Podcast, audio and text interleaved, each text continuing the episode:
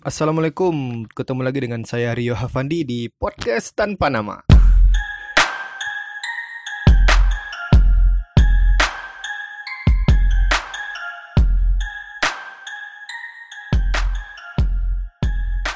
Eh, baik, terima kasih buat teman-teman yang masih dengerin. Gimana kabar kalian semua? Semoga masih sehat dan tetap bersemangat untuk terus berkarya. Asik.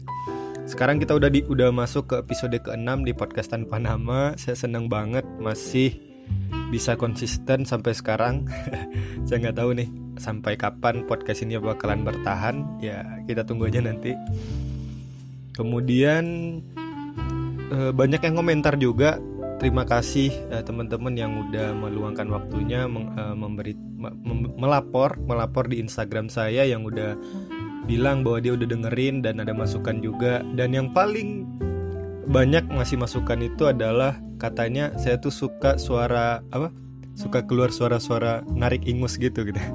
Ya karena memang nggak tahu setiap rekaman eh, memang lagi flu dan kayaknya memang ada masalah nih kayak kayaknya ada ada masalah di hidung saya. Jadi apa eh, intensitas flu-nya tuh lebih sering emang dari dulu kayak gitu gitu jadi mungkin teman-teman kesehatan nih ada yang punya solusi ya bisa bisa lah nanti di di DM saya di, di Instagram @riafandi asik jadi sebenarnya ceritanya kali ini sekarang lagi sendirian di rumah. Biasanya saya tuh rekaman pergi ke tempat yang tersembunyi, bukan tersembunyi.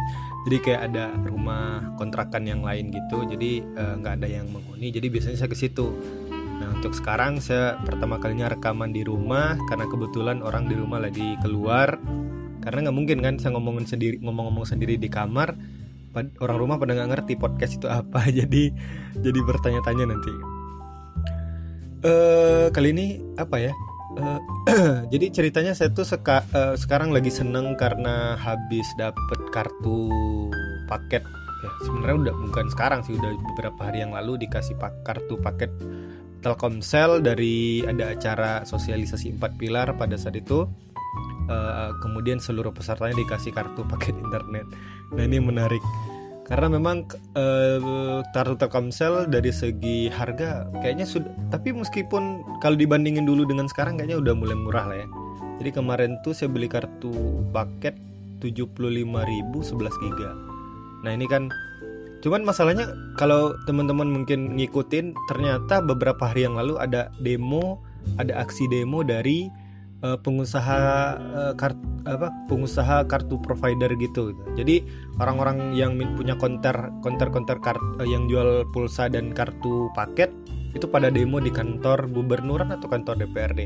Nah jadi eh, mereka tuh menyuarakan ternyata eh, karena kita kita kan nggak tahu kalian kalau saya sih dengan teman-teman di circle saya pada umumnya nggak pakai kartu eh, premiernya sebagai kartu paket gitu. Jadi kartu paket internet itu kartu yang khusus dibeli untuk paket internet karena memang segi harga itu lebih terjangkau jadi kita beli kartu kemudian eh, kartu apa kemudian sudah ada paketnya langsung aktif dan itu bisa digunakan nah masalahnya sekarang adalah peraturan dari Menkominfo yang mengharuskan kita untuk mendaftar mendaftarkan kartu kita berdasarkan nomor KK dan nomor KTP nah yang mana itu dibatasi tiga saja satu KTP itu satu NIK itu bisa dipakai cuma tiga kartu Nah kan itu ngamuk tuh teman-teman dari konter HP, konter kartu eh, atau yang jual kartu paket itu yang nggak tahu hasilnya gimana. Yang pasti ini sebenarnya awalnya sih saya merasa ada ada angin, ada cuaca yang cukup cerah. Artinya eh, bagi saya in- eh, fasilitas internet semakin ke sini semakin memudahkan pengguna karena memang sinyalnya sudah cukup ya bagi saya sih sudah cukup stabil apalagi di Telkom eh, kartu Telkomsel eh, dan ya mudah-mudahan nanti harga paket internet jadi semakin murah kan gitu. Jadi tadi saya ngomongin Telkomsel terus nih. Bukan, saya bukan karyawan Telkomsel ya, tapi beberapa hari belakangan sebagai penggunanya saja kayak gitu. Dan cukup puas sih dengan jaringannya yang cukup eh, terjangkau sampai ke ke daerah-daerah. Nah kali ini saya eh, ingin ngomongin jadi ceritanya minggu lalu tuh saya diundang oleh teman-teman MDC ini yang untuk kedua kalinya. Di podcast sebelumnya saya juga cerita. Jadi yang ini nih pertemuan yang kedua. Nah pertemuan ini dilaksanakan di Brong Cafe Jati dan saya ter apa ya cukup excited dengan acara uh, waktu itu karena memang uh, pembicaranya tuh cuman saya sendiri. Saya, saya awalnya apa uh, insecure juga tertakutnya nanti nggak ada yang datang atau apa gitu. Dan alhamdulillah saya cuman mengharap sih ada 20 orang tapi alhamdulillah lebih dan seluruh kursi penuh pada kemarin itu kalau nggak salah. Dan ya uh, merasa uh, apa ada sih ada loh orang yang mau dengerin saya ngomong gitu. Dan ya uh, bela-belain mungkin pada pada juga di padahal juga jam kerja dan ya bangga sekali sih awalnya. Ya uh, pada saat itu uh, ada sesi diskusi juga. Jadi kita bahas tentang kreativitas umur kemarin. Terutama terkhusus terhadap lembaga dakwah atau aktivitas-aktivitas yang mensiarkan keislaman bagaimana kita bisa mengemas dengan kreatif gitu karena memang yang mengundang kemarin itu MDC Muslim Design Community nah uh, pada saat itu uh, ada yang ada yang nanya umumnya sih ada yang nanya, umumnya pertanyaannya tuh bahkan ada yang DM juga nih uh, uh, tentang bagaimana sih ketika kita kurang pede ketika kita berkarya gitu. Nah, sebenarnya ini uh, menurut saya sih tidak pede itu permasalahan hampir semua orang. Dan termasuk saya juga pernah berada di posisi itu. Tapi uh, karena memang ke apa?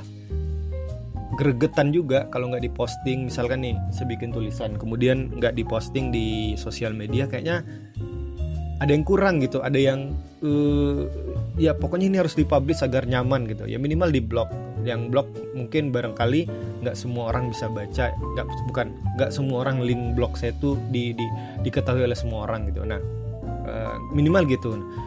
Jadi uh, permas permasalahannya sebenarnya uh, ketidakpedean tuh barangkali pertama mungkin referensi kita yang masih terbatas kita merasa kerdil gitu. Kemudian yang kedua kita kurang bergaul aja gitu ya jujur saya juga pernah di posisi itu dan sampai sekarang sih kadang beberapa momen ketika ketemu dengan orang-orang yang saya pikir lebih besar gitu lebih lebih lebih hebat dari saya juga sering minderan kayak gitu. Cuman ya kadang itu harus dihilangkan juga mental kita harus dilatih juga agar agar karya-karya kita bisa dipublish. Nah ini banyak nih teman-teman termasuk termasuk di Instagram juga banyak yang inbox menanyain kayak gitu terus gitu gimana sih uh, kemudian bahkan ada yang ketemu langsung pada saat acara kemarin tuh saya nanya kamu suka nulis ya? Iya bang. Nah kemudian saya kenapa di mana dipublishnya? Apa punya blog atau apa? Enggak saya simpan sendiri. Nah ini kan artinya uh, kita kita berkarya kemudian uh, tidak tidak diingin diketahui oleh orang banyak. Nah pada akhirnya sebenarnya kalau menurut saya pertumbuhan kita bakal bakal jadi lamban gitu, lambat gitu. Kenapa? Karena kita nggak tahu nih uh, yang evaluasi tulisan kita sendiri pun atau karya kita sendiri ya kita sendiri gitu. Kita bikin lukisan kemudian kita pajang di kamar kita, ya kita nggak tahu lukisan ini uh, relate nggak atau uh, relevan nggak dengan dengan kehidupan orang banyak dan seterusnya. Akhirnya nggak se secara secara berkarya sih sebenarnya nggak ada masalah cuman untuk bagi saya sih untuk bisa mempercepat pertumbuhan kita dalam berkarya harusnya kita ya nggak nggak nggak usah malu-malu gitu untuk mempublish nah permasalahannya adalah ketika saya saya saya, saya bertemu dengan teman-teman kayak gitu gitu jadi mereka tuh merasa minderan merasa dan yang paling uh, yang paling apa yang paling saya sering temuin juga mereka tuh suka apa suka uh, coba-coba untuk publish kemudian ingin cepat dapat uh, respon gitu atau ingin dapat atensi yang baik dari orang yang banyak gitu. Nah, ini kan apa uh, apalagi di sosial media. Ini sosial media kita merasa bahwa ketika kita bikin karya kemudian kita publish kita ingin semua orang langsung baca atau semua orang merespon baik. Kan nggak bisa gitu. Karena jujur kalau saya dulu dari dari sekarang dibandingkan dengan dari uh, dengan masa lalu atau ketika saya awal-awal nulis juga nggak ada yang respon juga gitu. Jadi nggak sebanyak ini orang yang yang respon ketika saya menyebarkan tulisan. Atau nggak ibaratnya nggak ada yang nge-share lah seperti ya kalau uh, yang yang sekarang. Dan bagi saya itu adalah uh, pertumbuhan yang yang saya alamin gitu. Karena memang ketika saya baca tulisan saya yang dulu saya juga apa kenapa sih saya kok bisa nulis kayak gini? Gitu. Saya juga bertanya-tanya gitu kok bisa ya saya dulu nulis kayak gini? Gitu. Nah Padahal sebenarnya e, kalau kita bertanya seperti itu berarti kita memang ada, ada perkembangan dalam karya kita gitu. Nah, yang penting sih kita nggak nggak nggak apa nggak buru-buru gitu. Kita nggak buru-buru ingin cepet-cepet dikenal gitu. Nah ini kan penyakit kita nih, penyakit kon apa generasi milenials kita semuanya ingin jadi populer, ingin jadi populer, kemudian ingin terkenal, ingin jadi seleb dan seterusnya gitu. Tapi tanpa progres atau tanpa proses yang yang ter, yang yang dia ingin lalui, yang dia harus lalui. Nah jadi suka yang instan, padahal ya kalau kata siapa kemarin tuh saya baca jadi yang penting tuh ada satu orang aja yang suka dengan tulisan kita udah. Itu ya, jadi misal kita nulis nih di Instagram atau di Facebook atau di Tumblr atau di mana lah. Nah yang penting ada e, ketika kita nulis ada banyak atau sedikit pun yang respon ya udah kita nulis aja dulu. Tulisan pertama keluar tulisan kedua atau kita bikin video video video lucu keluar. Karena e, ketika kita posting pertama tuh orang kan lagi membaca kita dulu atau membaca karya ini ini karyanya gimana karakternya gimana personalnya gimana dan seterusnya. Nah pada akhirnya ketika kita udah udah konsisten bikin bikin sebuah konten itu insya Allah bakalan ada yang datang juga bakalan ada yang suka juga. Nah kita cuman butuh satu atau dua orang yang bilang suka kemudian udah kita lanjutin tuh karya-karya kita. Jadi kalau kita bikin karya di awal kemudian kita berharap ada ratusan atau ribuan orang yang merespon saya pikir kita bakalan kecewa gitu karena ya kita, eh, kita ada kita baru mulai nih berkarya masa ingin cepet-cepet di diapresiasi gitu. Jadi uh, artinya kita berkarya itu bukan bukan soal apresiasinya tapi kepuasan kan gitu. Nah tapi yang jadi masalah adalah ketika kita nggak mau bertumbuh gitu. Artinya uh, ketika kita bikin karya nih kita kayak bikin tulisan kemudian atau bikin desain grafis atau bikin gambar atau bikin video. Nah karya kita tuh nggak ada perkembangan karena kita tidak pernah meningkatkan atau belajar lebih dalam lagi gitu. Jadi sekarang saya tanya kita baca buku sehari itu berapa halaman misalkan? Artikel di internet tuh berapa kali kita baca kemudian dibandingkan dengan dari eh, dibandingkan dengan men-scroll misalkan? Kita terlalu buru-buru baca artikel di internet kita kita merasa apa yang kita baca misalkan di internet ataupun buku-buku kita merasa ya udah ini nggak terlalu penting kemudian kita skip. Nah ini kan bentuk apa ya? Bentuk ke bisa jadi kesombongan yang pada akhirnya membuat kita tidak tidak bisa uh, tidak mendapatkan nutrisi-nutrisi gitu. Karena posisi yang baik adalah kita selalu merasa rendah rendah diri bukan bukan apa bukan minderannya ya tapi kita merasa ingin terus kita harus belajar terus agar agar bisa bertumbuh gitu. Yang pada akhirnya uh, kita setiap hari itu emang jadi nutrisi hunter gitu. Kita memburu nutrisi apa nih yang mau saya, saya asupi uh, asupkan untuk otak saya gitu. Dan pada akhirnya semangat itu semangat mencari nutrisi itu bisa bikin kita semakin bertumbuh semakin berkembang semakin keren karyanya gitu mungkin kita sering ngelihat ada orang sukses uh, di sosial media atau di televisi atau di media-media. Nah kita sering kan lihat tuh keberhasilannya gitu. Misalkan nih siapa sih yang kita kenal? Penulis A misalnya Trelie atau uh, apa siapa? Uh, Habibur Rahman misalkan penulis novel. Atau uh, Raditya Dika konten kreator. Dan dan banyak banyak orang yang yang yang kita lihat sukses hari ini kita kan cuma lihat apa kesuksesannya aja gitu. Kita nggak pernah mengkaji bagaimana sih mereka berjuang dari awal gitu. Ibarat kalau kata orang kesukses kesuksesan itu kan kayak fenomena gunung gunung es. Nah kan kalau gunung es itu yang kita lihat kan cuman uj, uh, apa puncaknya doang. Nah padahal di bawahnya tuh luar biasa besarnya gitu yang tidak terlihat. Nah uh, kadang kita terlalu fokus di keberhasilannya. Kita lupa mempelajari pengorbanan yang telah mereka lakukan gitu. Yang akhir memang memang ada orang yang sukses secara instan. Tapi uh, menurut saya uh, sukses yang instan itu tidak tidak bisa bertahan lama juga gitu. Yang kita lihat coba misalkan ada video yang tiba-tiba viral itu kan biasanya nggak nggak bertahan lama di, di di puncak gitu. Karena dia tidak melakukan tidak punya uh, tidak punya pondasi yang kuat bak bagaikan bagaikan gunung es tadi gitu kan gitu. Ini saya jadi motivator nih sekarang. Nggak artinya itulah teman-teman kita nih termasuk saya harusnya sih kita terus belajar terus berju apa terus berjuang terus nikmatin sih nikmatin proses ini gitu. Misalnya kita nulis nggak ada yang suka ya udah nikmatin. Kemudian kita bikin gambar kita bikin desain grafis bikin video bikin apa sih karya-karya yang lain yang uh, yang mungkin tidak terlalu banyak yang respon ya udah kita kita nikmatin proses itu. Karena nggak mungkin kita tiba-tiba bangun tidur kemudian menjadi penulis besar kan nggak mungkin gitu. Jadi semuanya memang butuh proses. Ini nggak perlu. Nah yang yang yang sering kali juga kita nih apa sering kali kita mengukur pencapaian atau kesuksesan itu ber, berdasarkan pencapaian orang lain. Karena ini ini kadang bikin kita jadi tidak menikmati uh, hari-hari kita, tidak menikmati kehidupan kita gitu. Misalkan nih kita lihat nih teman seangkatan kita atau teman sejurusan kita semasa di kuliah, dia udah ke mana-mana. Gitu. Padahal secara mungkin secara IPK atau secara potensi kita merasa misalkan nih kita merasa kayaknya saya ber, saya pantas lebih dari dia gitu. Nah atau atau kayak gitu-gitu. Nah kita kan melihat kesuksesan orang kemudian kita ingin ingin ambil itu untuk ukuran standar kita. Nah ini sering kali membuat kita malah tidak nyaman. Kita malah dibikin bikin iri dengan teman seperjuangan dulu dan seterusnya. Karena menurut saya kesuksesan itu atau pencapaian kesuksesan itu ya beda beda beda orang beda versi gitu. Maka wujudinlah kesuksesan menurut versi kita sendiri. Nah saya kayaknya emang cocok ya jadi motivator ya dari tadi motivasi terus. Karena jujur saya uh, banyak bertemu dengan terutama sih junior ya adik-adik yang yang sering diskusi ngajak diskusi kayak permasalahannya itu terus gitu.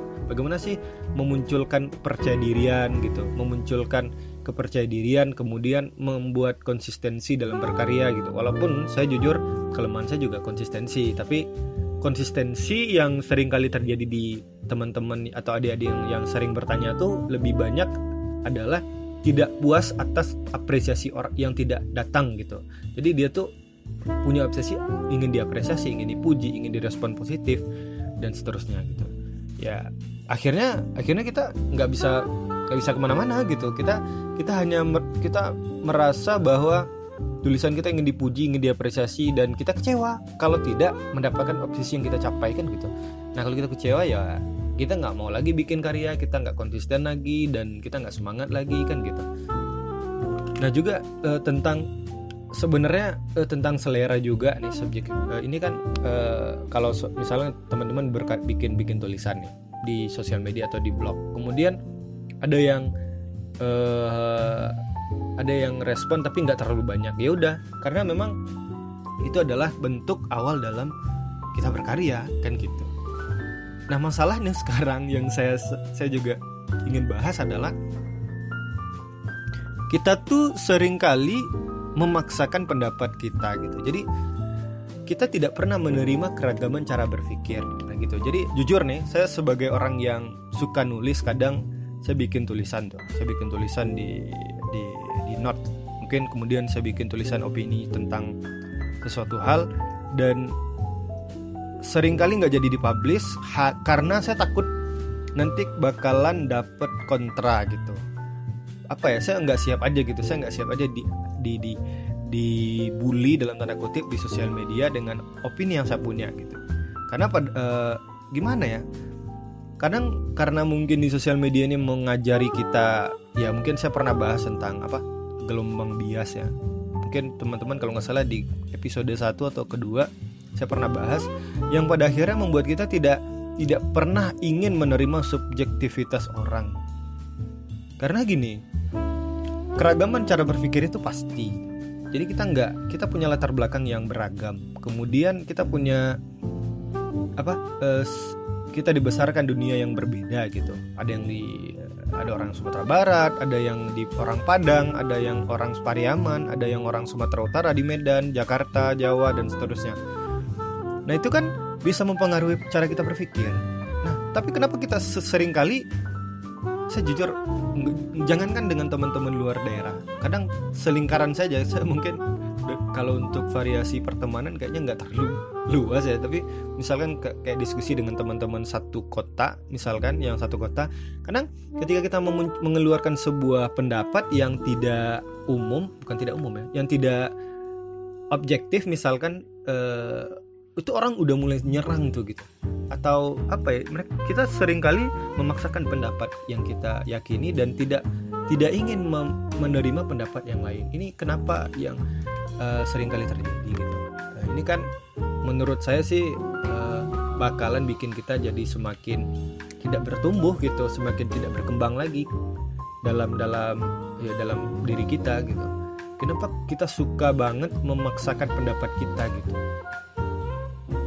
nah dengan dengan uh, cara berpikir kita seperti itu pada akhirnya ada banyak uh, apa ya ada banyak pemikiran-pemikiran yang tidak ingin dipublish dan itu diendapkan. Jujur saya punya uh, punya banyak tulisan yang akhir akhirnya tidak jadi dipublish itu karena takut dibully gitu. Karena jadi pada akhirnya keresahan-keresahan itu pun diendapkan dan ya udah saya saya nggak ingin sih bikin konflik atau apa gitu. Dan saya, saya merasa nanti barangkali mungkin ada juga di tempat lain yang kayak gitu-gitu gitu. Uh, ya kita tidak pernah menghargai uh, pendapat yang berbeda dengan kita. Dan uh, bisa jadi sih itu penyebabnya kayak yang itu tadi. Misalkan nih di politik saja gitu. Uh, anggaplah saya ini adalah uh, pendukung Jokowi misalkan.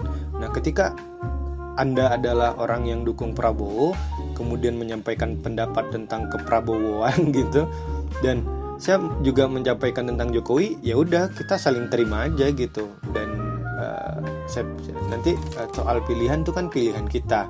Nah, kenapa pada saat ketika saya mengatakan misalkan saya mendukung Prabowo, kemudian saya langsung dijudge adalah orang yang yang uh, ter, yang radikal yang ya yang isu-isu yang yang sering kali uh, di, di, di apa di, di ditempelkan kepada orang yang yang dukung Prabowo atau begitu juga dengan yang ketika ada orang yang dukung Jokowi itu udah langsung disematkan dengan label uh, kecebong dan dan semacamnya gitu. Nah ini kan uh, per, apa uh, kom, bukan kompetisi ya suasana seperti ini yang pada akhirnya membuat kita tidak seperti tidak sehat gitu tidak, hubungan kita sesama manusia jadi tidak tidak damai lagi tidak ya perbedaan saya pikir perbedaan cara pandang politik kita buk, tidak harus apa tidak tidak malah me, me, mempengaruhi kita berteman gitu saya, ju, saya jujur kalau ketemu teman yang yang yang berseberangan dari sisi politik saya, uh, langsung di, di, di, dijauhin gitu. Artinya saya pernah bahkan ketika ada orang yang bikin berita tentang Jokowi, kemudian nanti uh, berita positifnya, kemudian saya dimention. Nah ginilah presiden kita, seolah-olah saya tuh benci Jokowi gitu. Dan dan seterusnya ada banyak lah uh, yang pada akhirnya ya udah kita kita saling menghargai gitu. Uh, bahkan saya tuh langsung di, dibilang orang-orang yang tidak tak tidak paham agama dan seterusnya gitu. Karena tidak tidak memat, tidak taat terhadap pemimpin. Ya macam-macam gitu. Padahal sebenarnya kan uh, saya juga tidak pernah menjelek-jelekan secara apa pemerintahan sekarang ataupun pihak Jok Prabowo gitu. Tapi kenapa kita cenderung cep, terlalu cepat emosi dan dan tidak ingin bijak dalam menanggapi beragam opini yang yang ber, beragam yang tidak seragam dengan kita gitu. Opini-opini yang tidak tidak yang opini-opini yang berseberangan dengan kita gitu. Nah ini kan jadi aneh gitu. Walaupun jujur saya masih ingat waktu ada yang nanya di acara MBC kemarin tuh?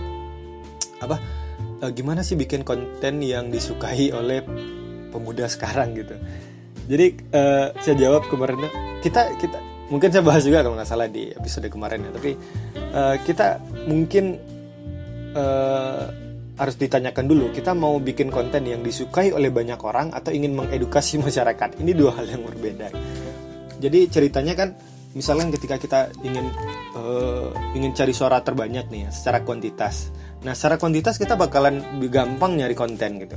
Saya, saya bikin kalau kalian ingin bikin konten di sosial media bikin aja tentang pernikahan tentang uh, nikah muda tentang eh, sajak-sajak baper dan seterusnya gitu. Itu itu cukup laku di sosial media. Tapi kan itu nggak edukatif banget menurut saya. Menurut saya itu nggak edukatif gitu jadi diterima aja ya. Maksudnya ya kita saling berbeda pendapat kan nggak masalah. Yang yang saya sampaikan tadi. Nah kalau kita mau bikin konten yang disukai pasar ya udah bikin yang kayak gitu-gitu. Kemudian yang kalau atau kita ingin bikin uh, konten yang sesuai dengan idealisme kita. Ini akan berbeda gitu. Jadi ibarat kayak di musik ya ada pop ada indie. Nah kan kalau kita lihat karya-karya indie itu kan lebih idealis gitu. Dan yang pop biasanya dia ngikutin industri ada orang-orang yang yang yang misalkan dia suka musik rock kemudian karena memang pasar lebih lebih rame musik dangdut dia pindah ke dangdut gitu kan gitu gitu dan di televisi juga gitu kan. Kita tahu mungkin apa acara televisi yang paling tinggi ratingnya sam, uh, sampai hari ini gitu.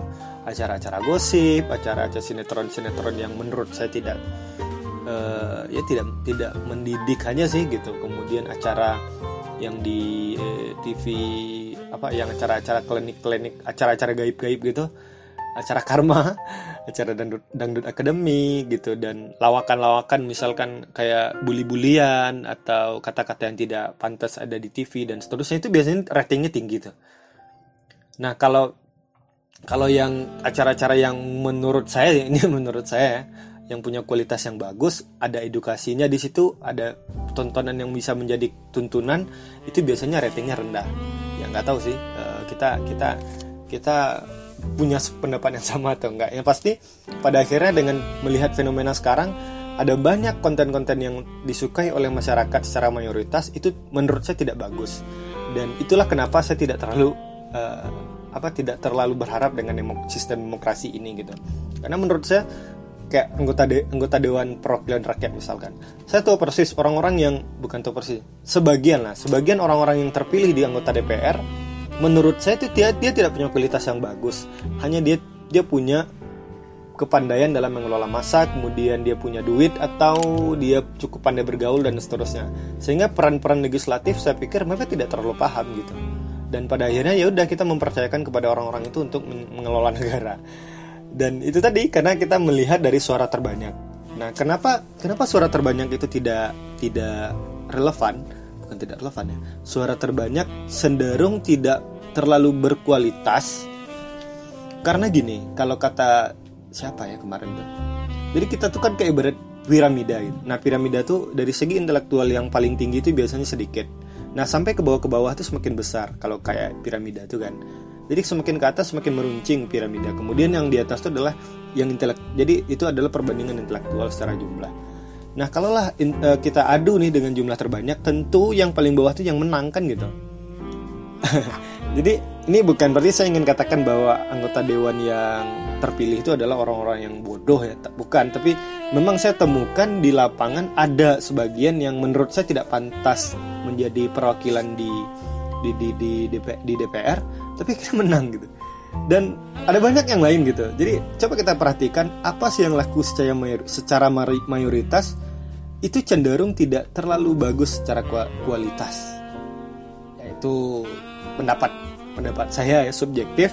Jadi nggak eh, kata teman-teman yang terima boleh. Kalau nggak nggak apa-apa juga konten-konten yang yang viral di internet misalkan kan ada atau uh, akun-akun YouTube yang terkenal tuh kan kebanyakan yang aneh-aneh gitu gitu. Yang menurut saya tidak menonjolkan sebuah pemandangan intelektual gitu. Tapi memang uh, di negara lain kayaknya juga gitu ya. Nggak tahu sih tapi uh, menurut saya sih di di Indonesia kecenderungannya kayak gitu. Orang-orang yang nonton televisi yang acaranya yang kita tahu ratingnya tinggi itu biasanya orang-orang yang tidak terlalu unggul dalam unggul. Bukan juga bukan unggul sih. Pokoknya kita uh, memahami bahwa acara itu nggak berkualitas dan ditonton oleh orang-orang yang yang mayoritas di bawah secara piramida tadi. Saya tidak ingin katakan orang-orang itu bodoh karena mungkin dia tidak bodoh tapi karena uh, ya selera mayoritas itu ya cenderung melihat yang bukan kualitasnya saja tapi bukan kualitasnya tapi kuantitas yang rating ratingnya tinggi gitu. Kan gitu. Oke udah jam udah berapa nih ya? Wah udah hampir 30 menit udah lebih. Nah eh apa lagi ya? Ini bahas kemudian oh ya nah ini biar nih biar biar kita punya punya banyak karya-karya positif di internet. Saya pikir kita bisa bikin gerakan nih jadi teman-teman coba biasain ngasih apresiasi ke temennya yang berkarya gitu. Misalkan nih ada temannya bikin konten. Nah bikin aja tuh wah keren gitu. Bukan kita bohong tapi kalau ingin kasih saran ya udah kasih saran gitu. Jadi jangan didiemin karena itu apa ya kalau kita ingin menaikkan rating yang berkualitas tadi gitu. Misalnya teman-teman kita yang ingin nulis atau bukan nulis aja sih bikin gambar bikin desain grafis bikin video di sosial media. Nah coba coba uh, kita sesekali menyengajakan menjadwalkan atau ya kita rutin ngasih apresiasi kepada orang-orang yang bikin itu gitu. Apalagi teman-teman selingkaran kita atau orang-orang di sekitaran kita atau orang-orang di daerah kita coba kasih apresiasi agar dia tetap semangat bikin karya gitu. Karena kalau kalau bisa nih kita bisa kita bisa mengendalikan seperti ini karya karya-karya berkualitas saya pikir bisa bermunculan gitu. Dan teman-teman kita yang ingin berkarya uh, semuanya bisa jadi muncul karena memang dia disemangati dari apresiasi-apresiasi sesimpel itu gitu. Kan ya menurut saya pujian itu pujian itu bisa me, mempertahankan si konten kreator bisa terus bertahan dan konsisten bikin karya kan gitu. Jadi coba bikin kasih jempol kasih wah keren nih meng menginspirasi banget misalkan. Atau kalau mau ngasih saran coba di inbox. Kalau uh, tulisannya menurut saya udah bagus tapi mungkin bisa dicari sudut pandang gini gini gini gitu. Gitu gitu jadi ya pada akhirnya uh, semua semua konten kreator yang ada di sekeliling kita bisa bertumbuh terus gitu. Bisa bertahan dan konsisten bikin karya dan sosial media kita bisa diisi menjadi banyak konten-konten yang lebih positif. Gimana? Setuju? Setuju. Oke. okay. Uh, saya jadi ingat kemarin tuh waktu makan di salah satu cafe di Padang. Makan nasi goreng. Jadi uh, saya mikir gini. Kita sering kali makan di tempat makan itu kalau di kita nggak enak kemudian kita mengeluh. Tapi kalau enak kita jarang sekali memberi apresiasi. Ya nggak? Jadi uh, saya sampaikan ke teman-teman eh habis ini kalau kita udah bayar kita sampaikan ke kasirnya. Mbak tolong bilangin ke chefnya atau ke yang tukang masaknya nasi gorengnya enak saya suka nah ini ini saya pikir apa kebiasaan si sesimpel seperti ini kayaknya cukup membantu bukan membantu sih cukup seru juga gitu. Bukan seru apa sih bahasanya? Uh, ya bikin si bikin orang seneng lah intinya sih bikin orang seneng bikin si tukang masaknya seneng kan kasihan. Dia udah masak-masak ya sesekali kita bisa beri apresiasi gitu. Atau bikin bikin masakan nasi goreng bikin kita beli jus bikin kopi dan seterusnya. Coba sesekali kita ketika di kasir mbak mbak tolong sampaikan kepada yang itu yang bikin jus tadi jusnya pas mantap gitu. Saya pikir nanti kalau disampaikan kan yang bikin jus jadi wah jadi seneng gitu jadi jadi terharu gitu. Asik terharu kayaknya saya mau rekaman sekali lagi deh. Kayak kayaknya seru juga nih di rumah sendirian. Jadi episode selanjutnya abis ini saya mau rekaman lagi kayaknya. Oke itu saja mungkin teman-teman. Lagi-lagi saya minta uh, responnya minta apa atensinya uh, untuk memberikan masukan saran atau nasihat atau kesan atau apa pun lah untuk di DM di Instagram saya @riohafandi agar ya yang yang saya bilang tadi agar karya ini bisa konsisten dan ya dia bikin saya jadi tetap istiqomah asik gitu. Jadi ya tolonglah tolonglah. Oke itu saja mungkin. Terima kasih teman-teman yang udah dengerin. Selamat melanjutkan aktivitasnya. Assalamualaikum